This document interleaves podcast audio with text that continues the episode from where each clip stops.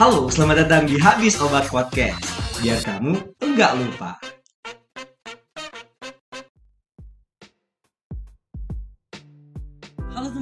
Teman-teman Habis Obat, apa kabar semuanya nih? Insya Allah semuanya dalam keadaan sehat walafiat Hari ini Habis Obat masuk ke segmen NEA seri kelima Dan di segmen NEA ini mungkin teman-teman udah tahu ya Udah yang udah pernah dengar segmen NEA dari seri ke-1 sampai seri ke-4 Kita tahu bahwa di segmen NEA ini kita akan membahas bagaimana penelitian itu berlangsung Nah di seri kelima ini kita masih tetap membahas bagaimana penelitian itu berlangsung Dan kita akan tetap masih fokuskan kepada kekayaan alam yang ada di Indonesia Yaitu tumbuhan-tumbuhan Indonesia. Dan di hari ini habis obat segmen NEA seri kelima mengangkat tema yang berjudul cegah kehamilan dengan tumbuhan emang bisa. Emang bisa. ya oke okay. hari ini aku kedatangan tamu untuk membahas tema hari ini kedatangan tamu yang berasal dari daerah Sulawesi Utara bernama Agung. Agung. Halo Agung, apa kabar Gung hari ini Gung? Alhamdulillah Kang luar biasa sehat. Akang gimana kabarnya? Alhamdulillah so and so and so and so begitulah pokoknya insya Allah kita semua selalu dalam keadaan sehat ya Amin. Ya. Oke Gung gimana nih eh, perkembangan sekarang nih apa kesibukannya sekarang Alhamdulillah kesibukan sekarang Kang dalam sementara penyusunan pembahasan skripsi sama lah sama Akang. Insya Allah kita dimudahkan Amin. dan lancarkan semuanya. Amin. Insya Allah teman-teman yang sekarang juga lagi menempuh uh, skripsinya ya, yang lagi menempuh penelitiannya diperlancar, dipermudah Amin, ya penelitiannya ya supaya wisudanya cepet-cepet gitu. Capek pasti kan? Capek pasti kan. Oke, kemarin berarti udah selesai D3 kan diplomanya. Tahun berapa tuh? Alhamdulillah tahun 2018 Kang sudah 4 tahun yang lalu. 2018 4 tahun yang lalu. 2000, ya benar 4 tahun yang lalu ya. Masih ingat kan penelitiannya? Insya Allah Kang ingat. Amin. Oke, kemarin judulnya apa sih Kang penelitiannya? Alhamdulillah pas D3 kemarin Hmm. Kang yang karya tulis ilmiah saya menga- mengangkat judul penelitiannya itu uji aktivitas ekstrak etanol kulit batang kayu kambing Hmm. sebagai kontrasepsi pada tikus putih Kang. Oke. Kulit batang kayu kambing. Berarti tumbuhan kayu kambing ya? Ah, tumbuhan kayu Tumbuhan kayu kambing. ini. Oke, berarti kulit batang diambil dari pohonnya kan? Iya. Gimana nih kulit kayu, kulit eh, kayu kambing nih? Berarti kan kayak baru didengar ya? Kenapa tuh kayu kambing? Ada apa dengan kayu kambing gitu? Kalau da- didapat dari informasinya Hmm. Kang, dari manfaat dari segi manfaat empiris Hmm. dari masyarakat Bolang Mongondo Timur Mm-mm. bahwa tumbuhan kayu kambing ini Kang sudah digunakan oleh masyarakat sejak lama Oke. yang berpotensi sebagai obat kontrasepsi, Kang. Nah, Hmm. dengan bagian tumbuhan yang digunakan yaitu kulit batangnya dari kayu kambing sendiri. Kemudian untuk meramu dari sampai mendapatkan obat kontrasepsinya ini, Hmm. itu mereka itu me- merebus kulit batang kayu kambing, kemudian air rebusan tersebut diminum. Oke, jadi merebus si kulit batang kayu kambing. Jadi emang udah ada informasi-informasi bahwa si tumbuhan ini atau kayu kambing yang kulit batangnya nih, berarti emang udah ada informasi atau udah masyarakat udah memakai Memakai, secara Kak. empiris untuk kontrasepsi. Betul sekali, Kang. Berarti Bisa. untuk mencegah kehamilan gitu.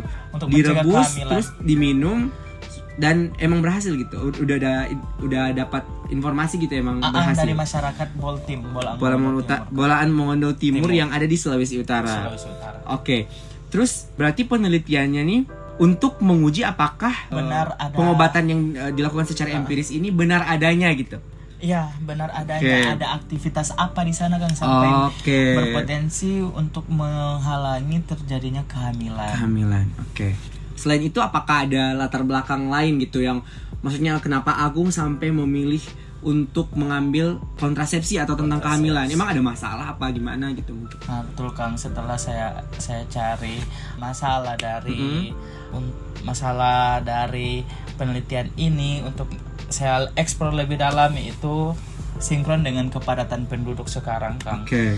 Itu terlebih khusus di negara tercinta Indonesia. Hmm. Nah, kepadatan penduduk di Indonesia ini suatu permasalahan yang mengalami pertumbuhan kompleksitas di setiap tahunnya, Kang.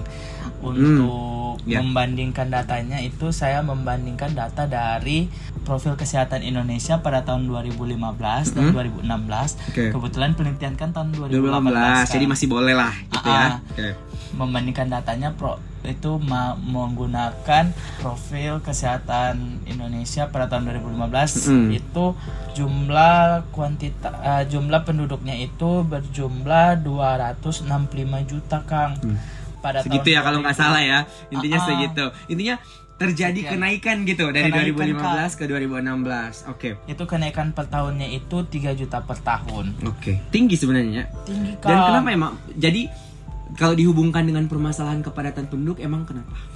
Ha, kalau dihubungkan Kang, ini mengalami ancaman ledakan penduduk tiap tahunnya jika tidak disertai aspek pengendalian pertumbuhan penduduk, peningkatan kualitas penduduk dan pengarahan mobilitas penduduk dikarenakan angka kelahiran per tahun yang akan mengalami kenaikan. Oke, intinya kayak ini akan mempengaruhi segala aspek kehidupan yang ada di Indonesia ini tentunya ya. Betul Kang. Oke, terus eh, penelitiannya kemarin gimana nih suka dukanya? Dari prosedur penelitiannya deh gimana? Kan tentang kontrasepsi ya, dan ini akan diuji berarti uji praklinis nggak sih namanya? Iya Kang, betul Uji uji, praklinis, praklinis, oke. uji pendahuluan namanya Oke, Kang. uji pendahuluan. Gimana nih kira-kira kemarin? Kayak, kayak soalnya baru kan kemarin-kemarin kan kayak semangat, antifatik dan lain sebagainya kan yang dibahas di NEA 1 sampai NEA keempat dan hari ini kita bahas tentang kontrasepsi yang maksudnya baru di telinga dan kadang juga aku mungkin sempat-sempat cari jurnal dan emang kadang ya Kadang Kang. kalau yang meneliti tentang kontrasepsi ini ya. kontrasepsi Kang. Nah, gimana nih? Coba di mungkin diceritain secara singkat, padat dan jelas gitu. Gimana penelitiannya kemarin? Prosedurnya gitu. Baik Kang, untuk penelitian kemarin, alhamdulillah saya melakukan penelitian itu selang 4 bulan dari Maret sampai Juni. Oke, lama banget ya. Lama lama sekali Kang asli. Oke. Padahal itu saya yang paling pertama mulai penelitian Heeh. dan paling terakhir paling terakhir lah saya yang menjadi Oke. menyelesaikan penelitian itu dan Mm. tinggal sendirian di lab. Oke. Untuk kayan Penelitiannya. penelitiannya Hmm. itu singkatnya itu Kang itu pertama kan saya membeli hewan uji dulu Mm. kemudian diaklimat Tikus ya hewan ujinya ya? Iya hewan Oke. ujinya tikus Kang Oke. kemudian diaklimatisasi di lab Mm-mm. untuk beradaptasi agar menjaga ini tikus-tikus ini tidak stres Kang Oke, aklimatisasi selama seminggu seminggu ya. Ah, ah. Oke, terus Nah, kemudian uji pendahuluan Kang pretest pretest Hmm. namanya. Itu dilakukanlah uji fertilitas. Nah, uji fertilitas ini sebagai tahap konfirmasi un- untuk mengetahui tikus yang digunakan ini betul-betul fertil Kang atau tidak mandul supaya Mm-mm, penelitiannya nanti tidak bias. oke. Nah, untuk uji fertilitas dilakukan dilihat dari masa hamil tikus Mm-mm. itu 20 sampai 22 hari eh, Oke. itu satu bulan lah kan. Iya, benar. Ha-ha. Oke. Alhamdulillah setelah uji fertil tikus yang digunakan dinyatakan fertil semua Kang dikarenakan alhamdulillah hamil, Hamil, ya, oke. mempunyai anak. Oke, jadi fertil itu, teman-teman, fertil itu adalah bisa hamil gitu ya. Iya Kang. Sedangkan non fertil itu tidak bisa hamil atau Ah, mandul. infertil. Infertil ya, sorry. Infertil. Oke. Terus jadi setelah dilakukan aklimatisasi, kemudian diuji apakah ini untuk konfirmasi ya, diuji dulu apakah dia bisa hamil apa enggak ya kan, uji fertilnya. Berhasil fertilnya. Alhamdulillah berhasil. Berhasil terhadap beber- berapa tikus tuh kemarin? Terhadap 15 tikus. 15 tikus. 15 tikus betina 15 tikus betina.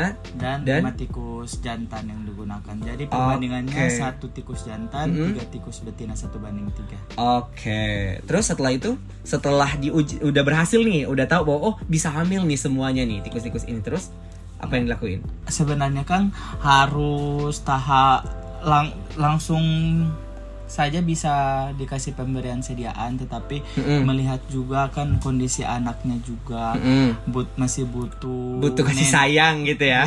Kemudian sudah setelah dua minggu baru Baru diujikan gitu, Mm-mm, diujikan diberikan sediaan sediaan. sediaan Jadi kemarin berapa kelompok perlakuan kalau boleh tahu?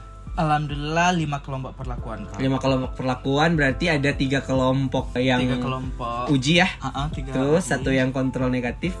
Eh, kok aku jadi jadi aku yang tahu? satu kontrol negatif betul Oke, Kak. satu kontrol negatif. satu kontrol positif Oke. Terus Ah, satu kontrol negatif ini itu yang dipakai adalah tidak diberikan perlakuan, hanya diberikan makan dan minum seperti biasa kemudian. hmm, oke. Terus yang kontrol positifnya?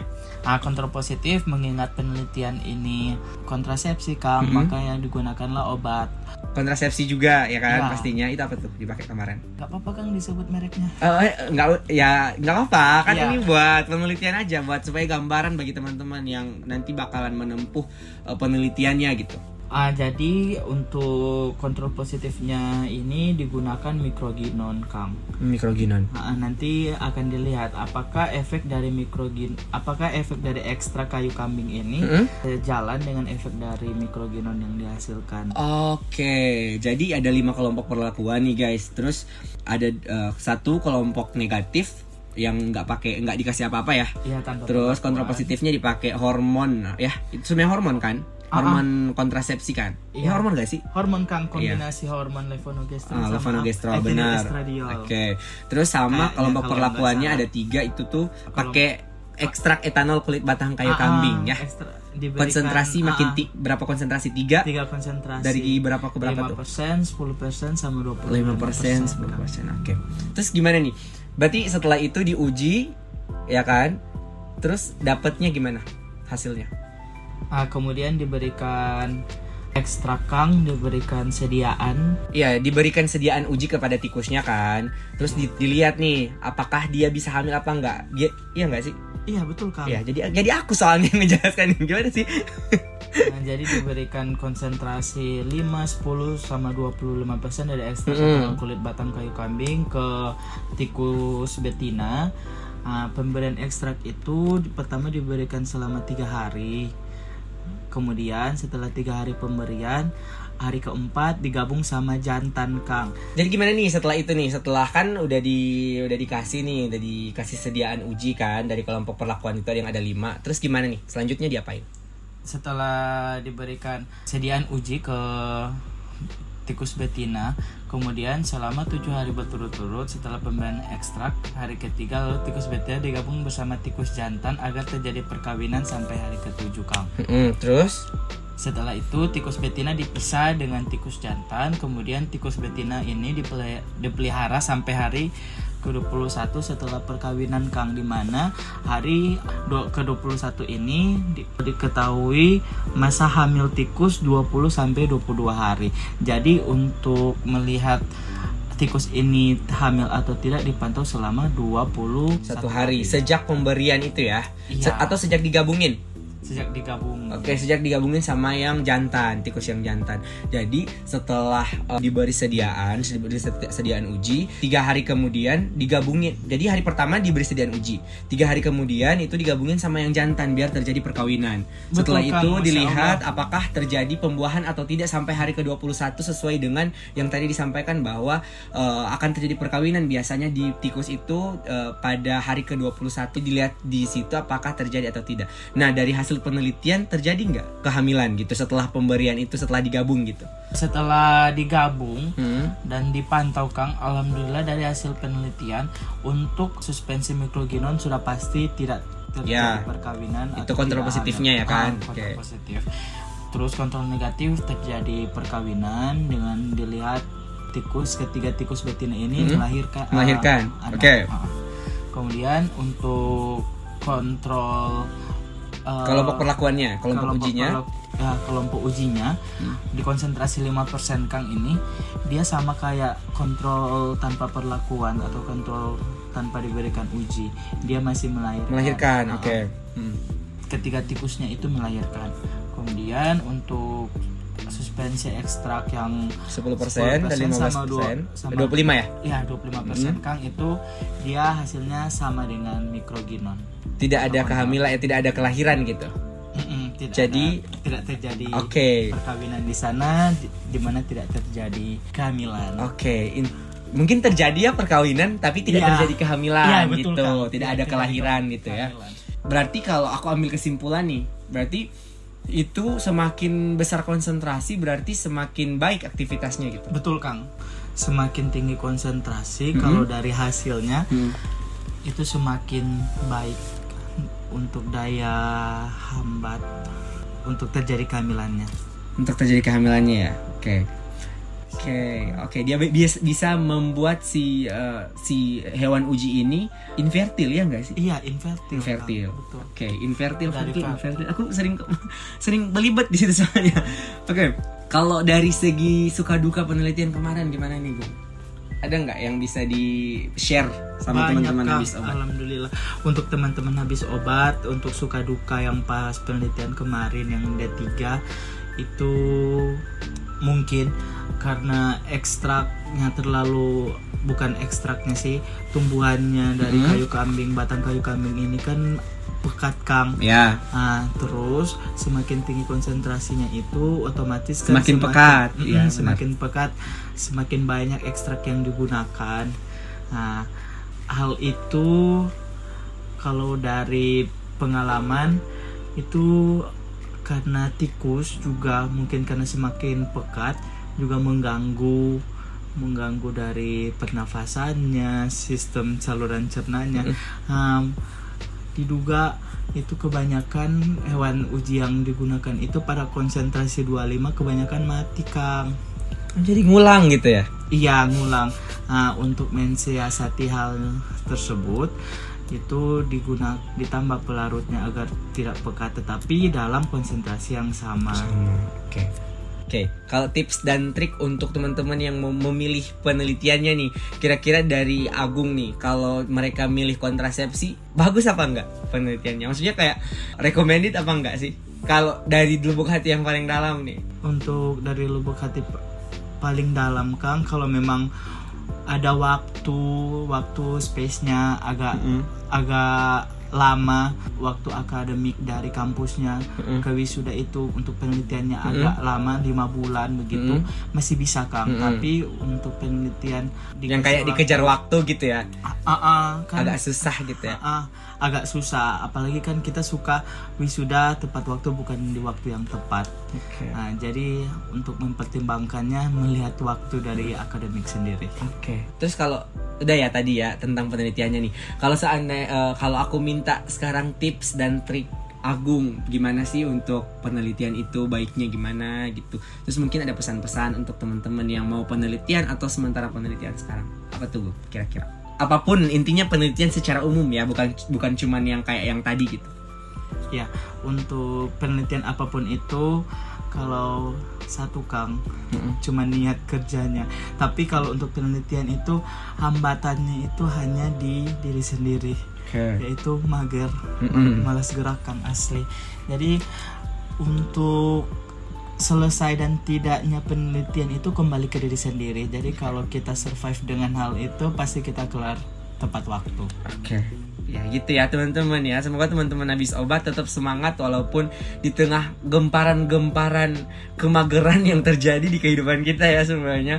Insya Allah kita semua berhasil apa ya?